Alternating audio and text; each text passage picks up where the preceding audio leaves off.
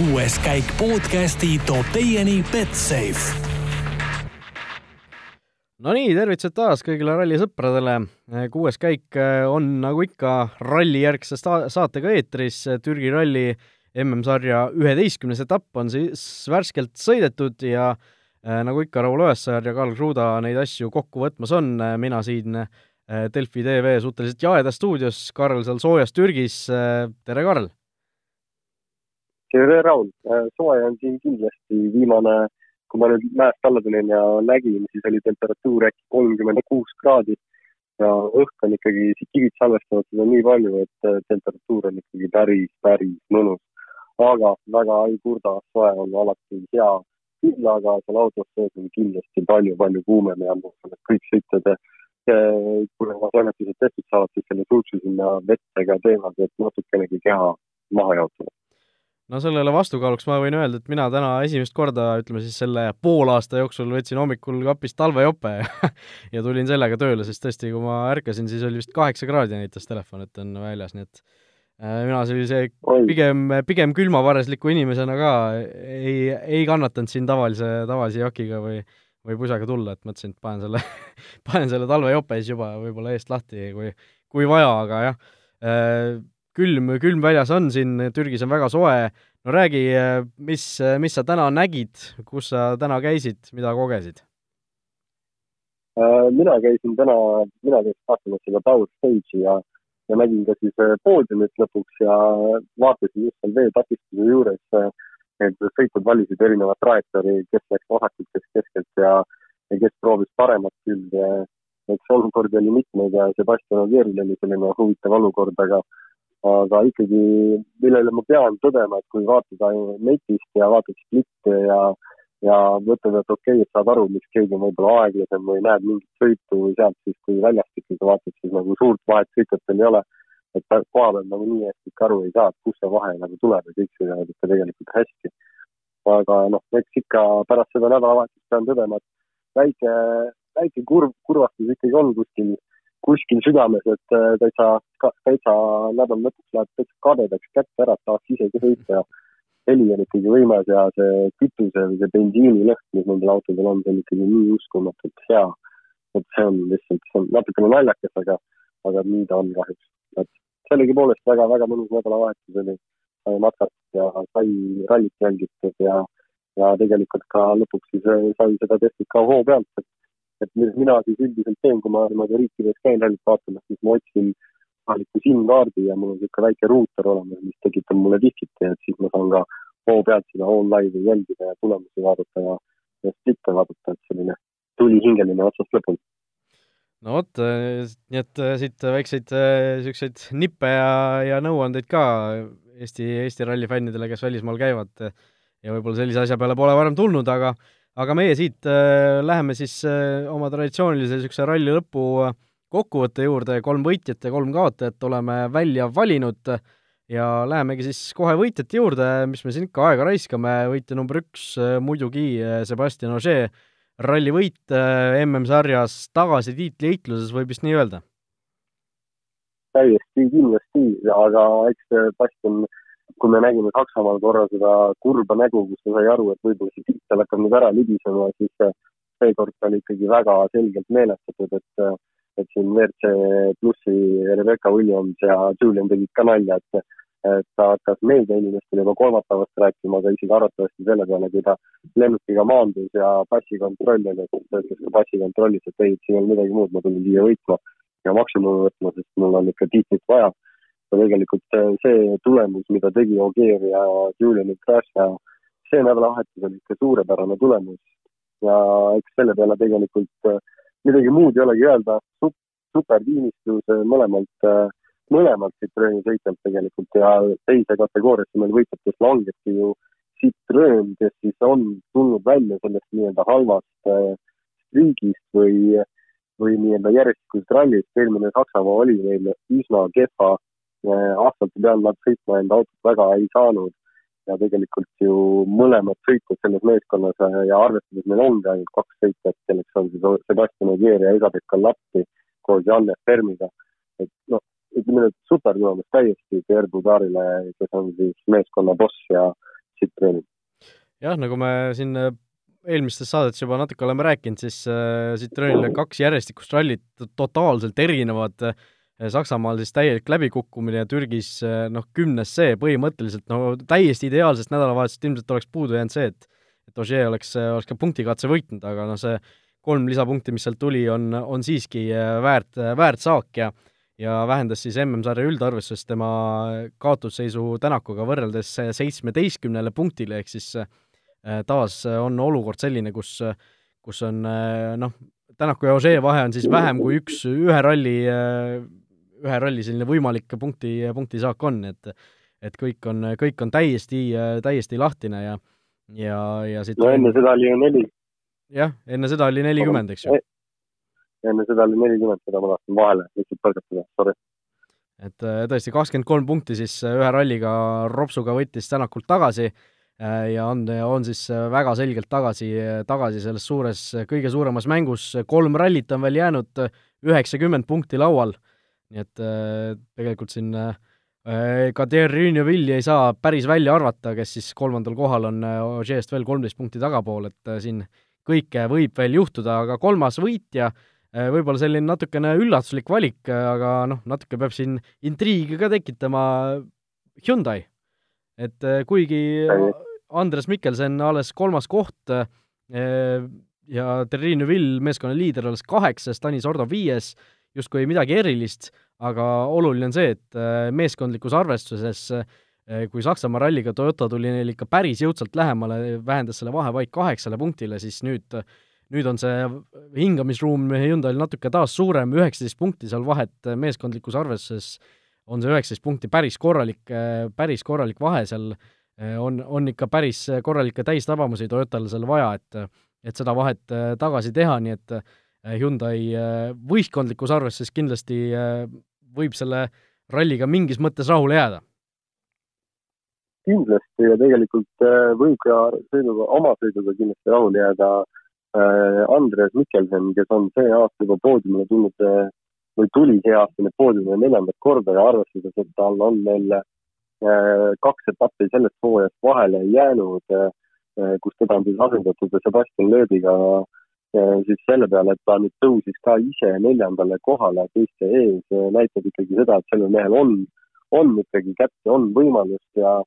ja väga huvitav üldse, kui tema sõidustiili vaatad, et siis esimestel päevadel võib-olla ta nii hästi ennast käima ei saa või kuidagi nii-öelda natukene on rabe ja siis viimastel päevadel ta ikkagi on väga tugevad esitused esitanud, kus ta siin Sardiinias siis võttis veel Elvin Evansi viimasel päeval ära ja ja täna, kui me eile arutasime, et võib-olla läheb siin võidusõiduks Sunnini ja Mikkelsoni vahel, siis tänaseks oli üsna ilmselge, et et Mikkelson ei anna oma kohta käest ära ja päeva lõpuks ju tegelikult Äh, vahe, suurendas vahet Teemu Sunnimeniga äh, üle kolmekümne sekundi. just, nii et äh, Hyundai tõesti meie kolmas võitja siis oli, no mis seal ikka, läheme kaotajate juurde edasi, kaotaja number üks, noh, mille me siit võtame, võtame Ott Tänaku siis kõigepealt, tema kindlasti tohutu pettumus see eilne päev just oli, täna küll suutis noh, sellest raskest olukorrast täielikku maksimumi võtta, Äh, väga kavala strateegiaga, ei võtnud ühtegi varurehvi kaasa, küsiti talt ka, miks äh, või noh, kas see on suur nii-öelda äh, selline risk, siis Tänak vastas ka, et tegelikult ju ei ole, sellepärast et et risk tähendaks seda, et ta, ta peaks millegagi riskima, aga antud juhul tal ei olnud mitte midagi kaotada, ainult võita. Ja seetõttu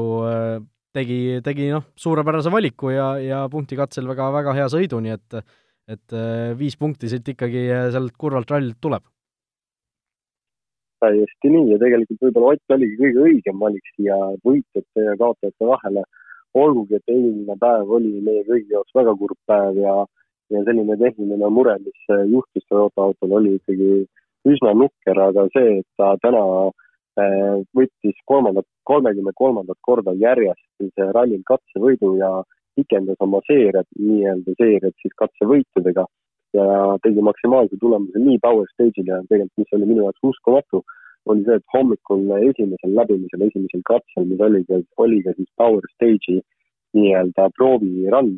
siis selle katse ta ka juba võitis ja tegelikult äh, väga ilus oli seda vaadata. olgugi, et nad mõlemad väga pingutasid, aga just see taktika võib-olla, millest sa just rääkisid, oli see, et ta läkski nelja refiga, üldjuhul sa võid nagu ühe ka-, võid ühe refi ikka kaasa võtta, kaks on maksimum, mis sa võid kaasa võtta, aga see paljust oleneb ka sellest, et kuidas sul on auto homologeeritud siis FIA paberitele. mingid autod on homologeeritud siis niimoodi, et et ei võetagi ühtegi, et, et homologeeritakse auto ilma tagavararattaga või seal on põhimõtteliselt nagu pitsalõikus või midagi, siis äh, sellisel juhul äh, Toyota vist ei ole homologeeritud tagavararattaga, et seda miinimumkaalu saada ja see andis talle selle võimaluse, et sellist trikki teha, aga eks see oli natukene riskantne koht ka või miks talt küsiti, et miks sa niimoodi gambleldad või mängid selle peale. et noh, selles mõttes ta vastas õigesti, et ega tal ei ole tal on ainult võita, tal siin midagi kaotada ei ole. Eh, teise ja kolmanda katse ta täna sõitis väga rahulikult, eh, kontrollis legendi kas tulevasteks aastateks või lihtsalt sõitis rahulikult läbi ja hoidis enda meediumrehve ja, ja selline, selline huvitav valik tema poolt sai tehtud eh, koos Martin Järveoja, kus nad läksid tõesti ainult nelja rehviga Türgis rajale, kus on tegelikult hooaja või noh, Türgit nimetatakse hooaja kõige karmimaks etapiks jah, ja see, see hea strateegia või hea valik tõi siis talle kaks katsevõitu ka tänasest ja ja nende katsevõitudega ohohoo, no seda Delfi otseblogi tehes no reaalselt reedest alates, reede hommikust alates äh, iga katse ajal mitmed inimesed kirjutasid seda, et, et kuidas jah, et et nii kahju, et see Tänaku katsevõitude seeria lõpeb ja oi, kas nüüd tõesti lõpeb see ja ja nüüd on küll väga paha seis, kui ta nüüd katkestab ka ja ta on nii aeglane, et oi-oi, peaasi, et ta selle katsevõidu siit ikkagi ühe katsevõidu ära saaks, et mulle tundus, et Eesti, Eesti rallisõprade jaoks äh, tundus see üks katsevõit nagu veel olulisem kui see, et ta kuskil, ma ei tea, punktikatsel punkte võtaks või või üldse ralli võidaks, et et peaasi, et see üks katsevõit ära tuleb, on ju. Noh, ikka tahad, et see, see nii-öelda seeria jätkuks, aga, aga eks, eks kõikidel on oma sellised nii-öelda kaaselamise vormid ja tegelikult see on äh, väga uhke ka, et sul on kolmkümmend kolm rallit järjest olete näidanud ikkagi tippklassi, meistriklassi ja, ja Ott kindlasti kuulub sinna tippude tippu. jah, et äh, märgime siis ära ka, tegu on siis läbi aegade kolmanda sellise seeriaga, esimesel kohal vist Sebastian Ogier viiskümmend kolm, teine Sebastian Loeb kolmkümmend seitse ja kolmas ongi nüüd Ott Tänak siis kolmekümne kolme järjestikuse ralliga, kus on vähemalt üks katse võidetud, nii et selline, selline huvitav arvestus siis, äh, mida siin eestlased äh, ilmsesti armastavad pidada. Ožee või see, Ožee, Ott Tänaku jaoks äh, no mis see nüüd siin äh, kõige olulisem äh, või kõige ohtlikum konkurent aasta lõpus, kas Ožee, Neville või, või hoopis Toyota? küsi palun uuesti, mul kuidagi häkib et kes on Ott Tänaku jaoks siin aasta lõpus kõige ohtlikum konkurent nüüd, kas Ožee, Neville või, või hoopis Toyota? see on tõesti hea küsimus ma arvan, et kõik on väga suured konkurendid. Äh, ennekõike on kindlasti selleks kuuekordne maailmameister Sebastian Ogier, kes võtma seitsmendat tiitlit kui ta suudaks selle järjestikuse tiitli, seitsmenda järjestikuse tiitli veel võtta kolme erineva autoga, siis see on ajalugu omaette. Äh, selle peale ma usun, et Ottil on ikka midagi selle vastu öelda äh, ja nagu ta eile vist siin korra mainis, et et enam ei ole, enam ei ole mingit kontrollimist, et Inglismaal tuleb jälle minna võitma ja ja kiiresti sõitma, et selle peale andis ka märku, et sellele rallile ta tuli natukene juba kontrollima oma liidri kohta, et kindlasti punkte võtta, aga kahjuks lihtsalt siis oligi see kolmas, kolmas ohtlik eh, nii-öelda, ohtlik mees, meeskond, asi tema jaoks, Toyota ise eh, või siis Sushi Box, mis takistab tal seda praegu tegemast, aga usun, et meestel on närvid tõesti läbi ja, ja võiks olla natukene mugavam elu. aga noh, selle peale, mis see aasta lõpp toob, ei tea. arvatavasti siis ikkagi sinna Austraaliasse see kogu event läheb ja, ja eelmine aasta ju eelviimasel katsel põhimõtteliselt, eelviimasel katsel selgus maailmameister ära, kui viimasel midagi ei juhtuks.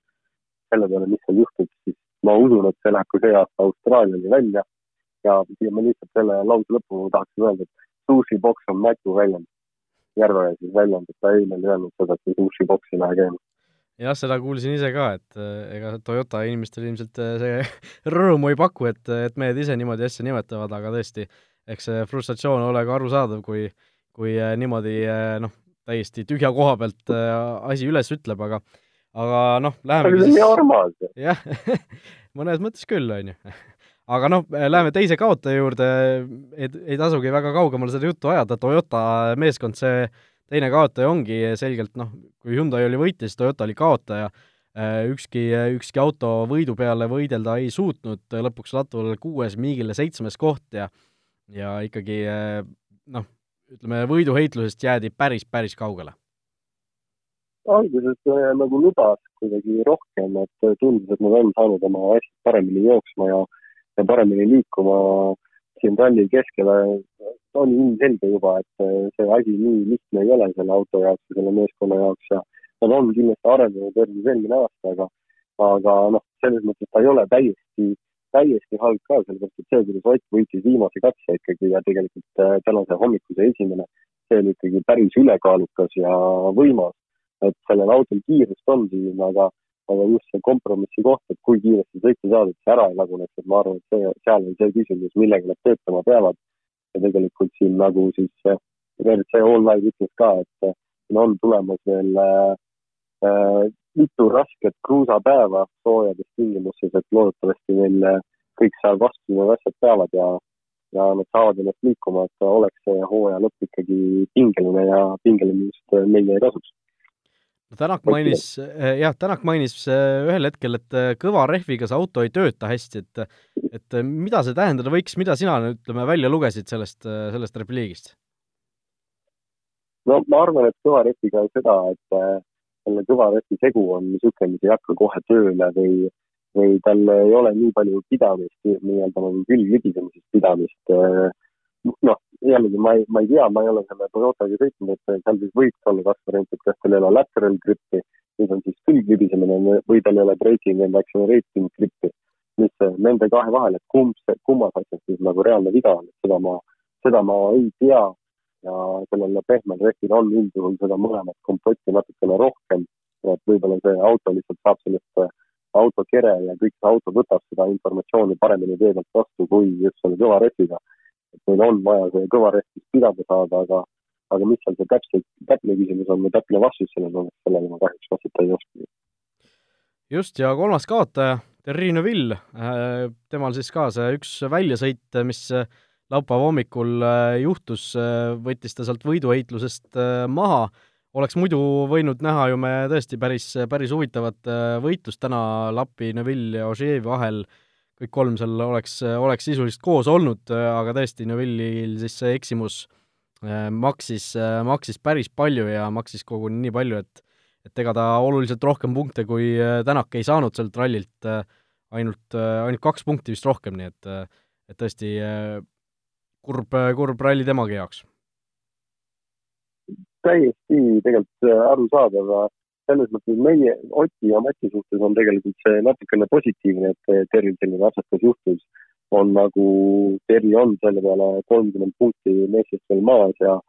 nendega natukene turvalisem vahe, et nüüd, kui Terri tuleb järgmisel etapil Inglismaale, siis arvatavasti tema, kui ta maandub, siis ta ütleb tollis passi kontrollis, et, et mul ei ole siin midagi, ma pean siit võtma kõike maksimumi et äh, nüüdseks need viimastel etappidel me näeme seda, et kolm meest tulevad kõik täpselt ühe sama suhtumisega et äh, siin ei ole midagi. Äh, samas ei tohi ka katkestada, sellepärast et üks katkestamine annab ikkagi kõva-kõva põntsu. Äh, Teril ei ole siin üldse enam ruumi viga teha. Otil on võib-olla kõige rohkem ruumi väikest viga teha, aga kui sa maailmameistriks tulla tahad, et siis hetkel on kõik pead ära kasutatud ja tuleb, tuleb tulla lõpuni ilma vigadeta. aga sellegipoolest tervist on mul kahju ta oleks, oleks see võistlusel lähemal, oleks see kindlasti pingelisem ja põnevam vaadata ja jälgida kõikidel üle maailma, äh, mis sinna aasta lõpus juhtuma hakkab, äh, aga kahjuks seekord selline väike aps ja tegelikult väga niisugune süütu tolmust tingitud siis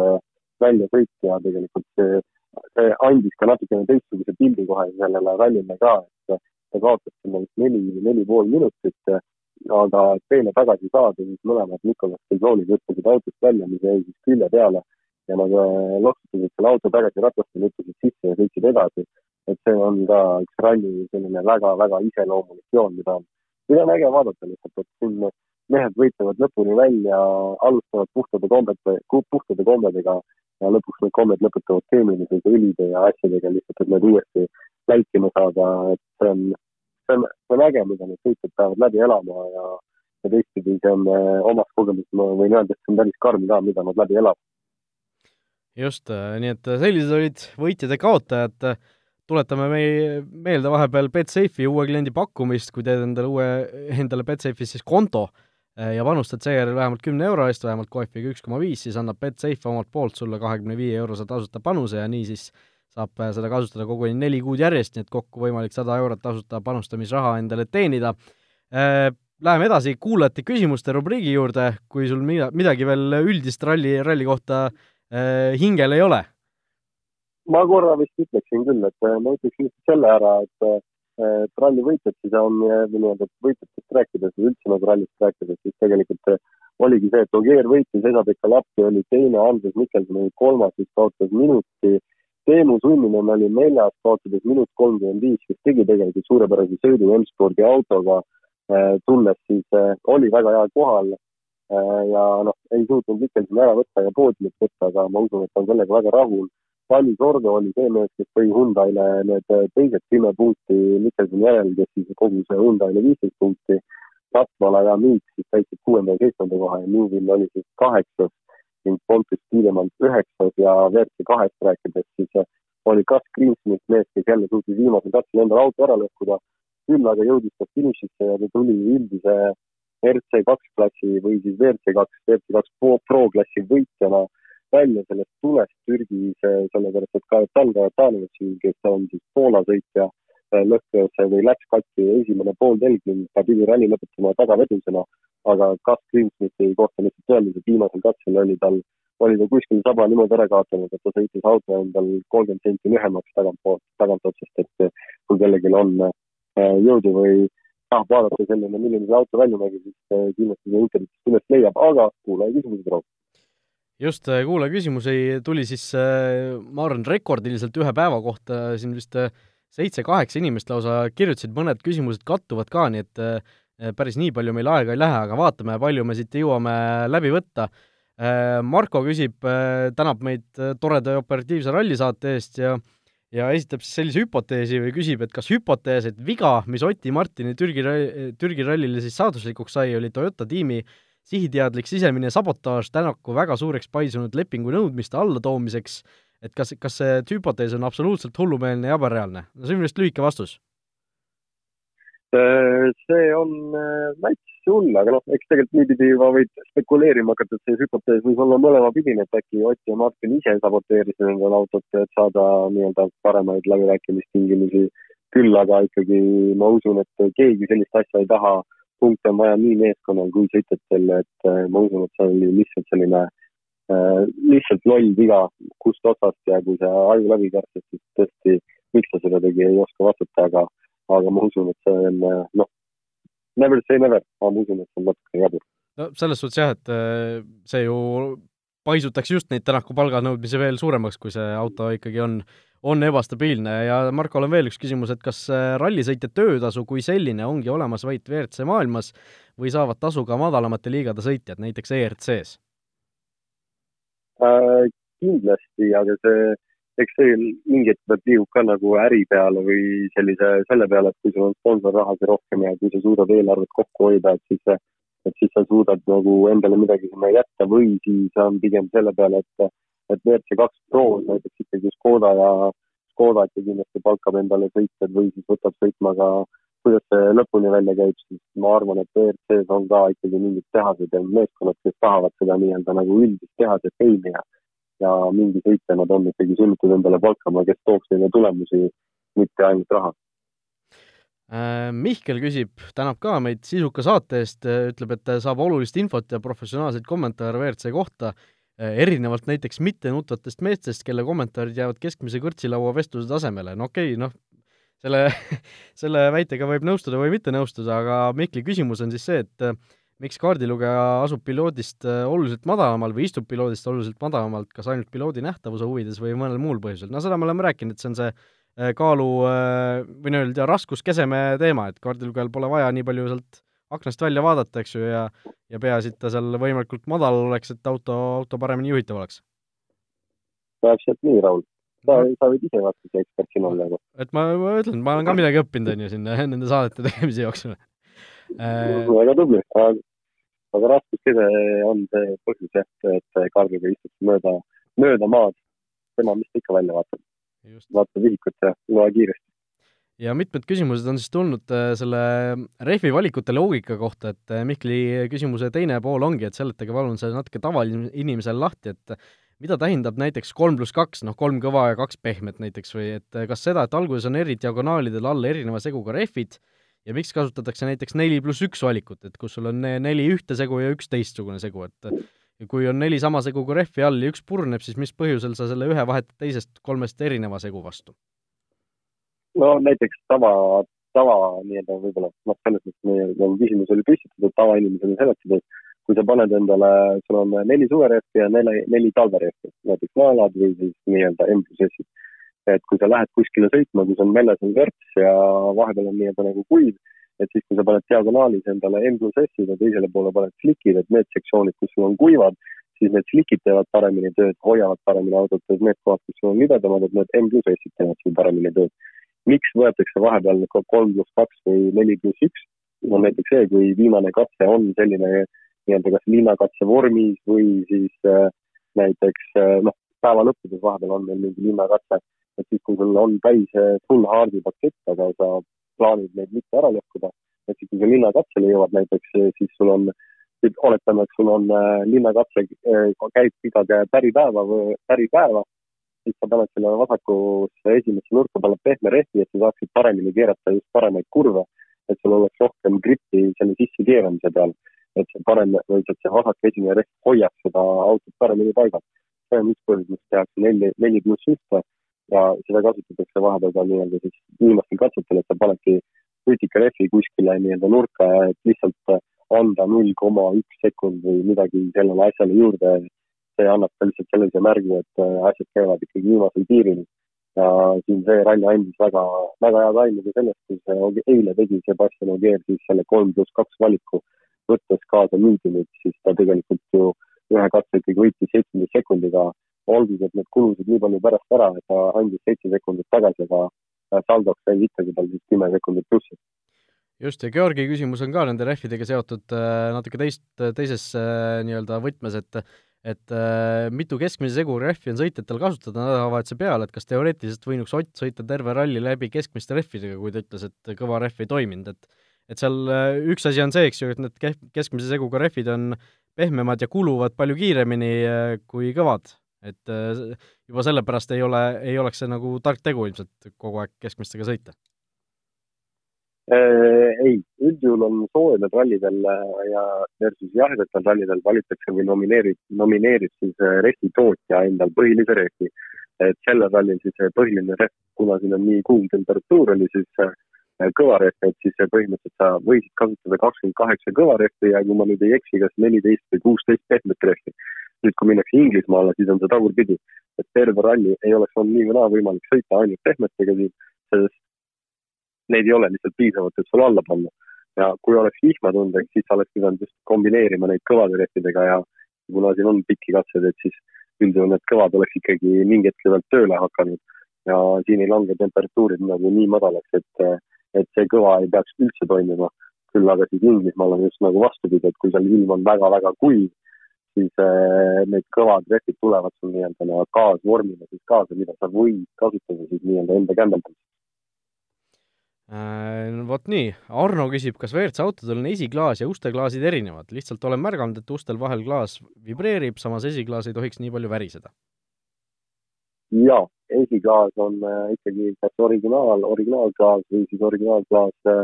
soojendusega ja ukseklaasid on üldjuhul pleksiklaasid, sellepärast et uste klaaside küljes on need õhutusavad veel sõitjatel või sellised tuuletarbid, mis sa saad avada, et ülesõidul saaksid rohkem õhku peale ja need on siis pleksiklaasist, et see auto oleks natukene noh, kergem ka nende klaaside, klaaside poole pealt, eks eh, tagumised klaasid, mis peavad olema ikkagi nii, nii-öelda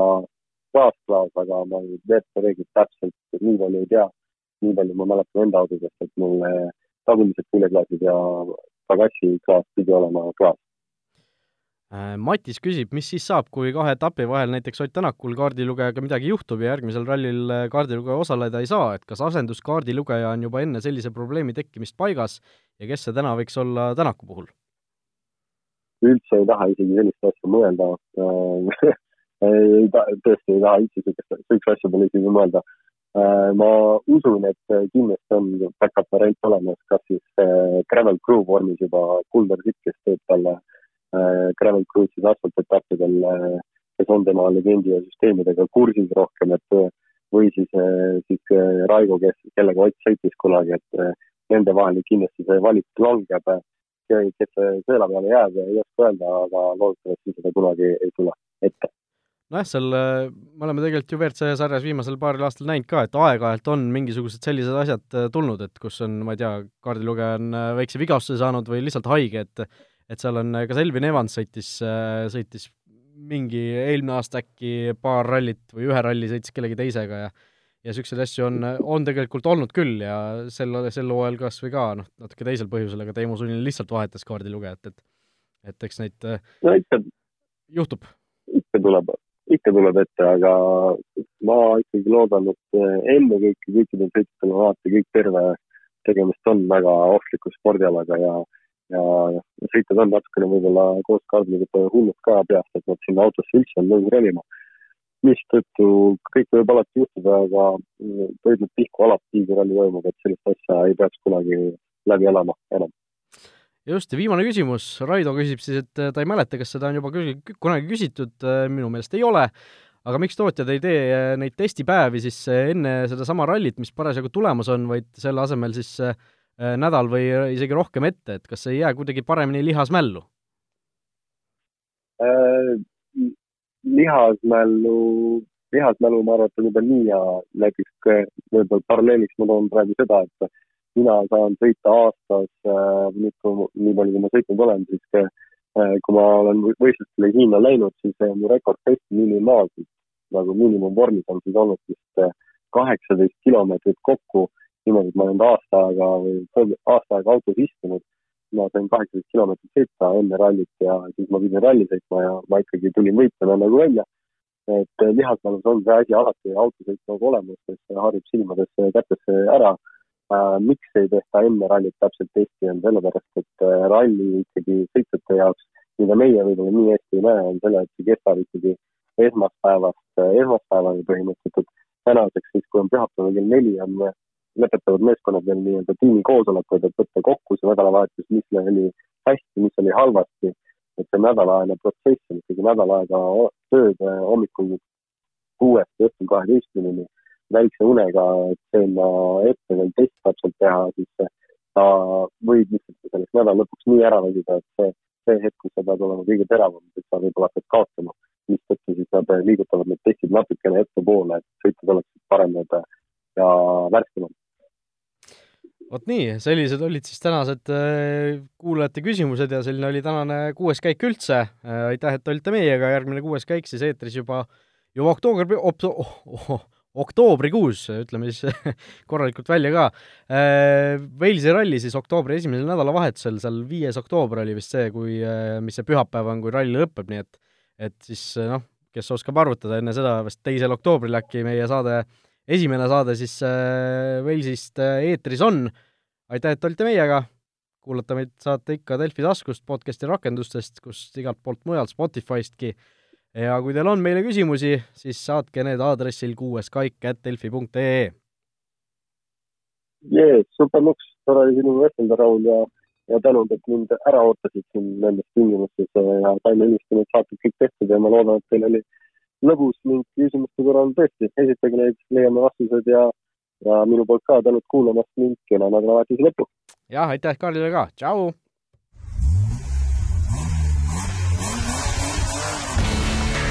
Kuues käik podcasti tõi teieni Betsafe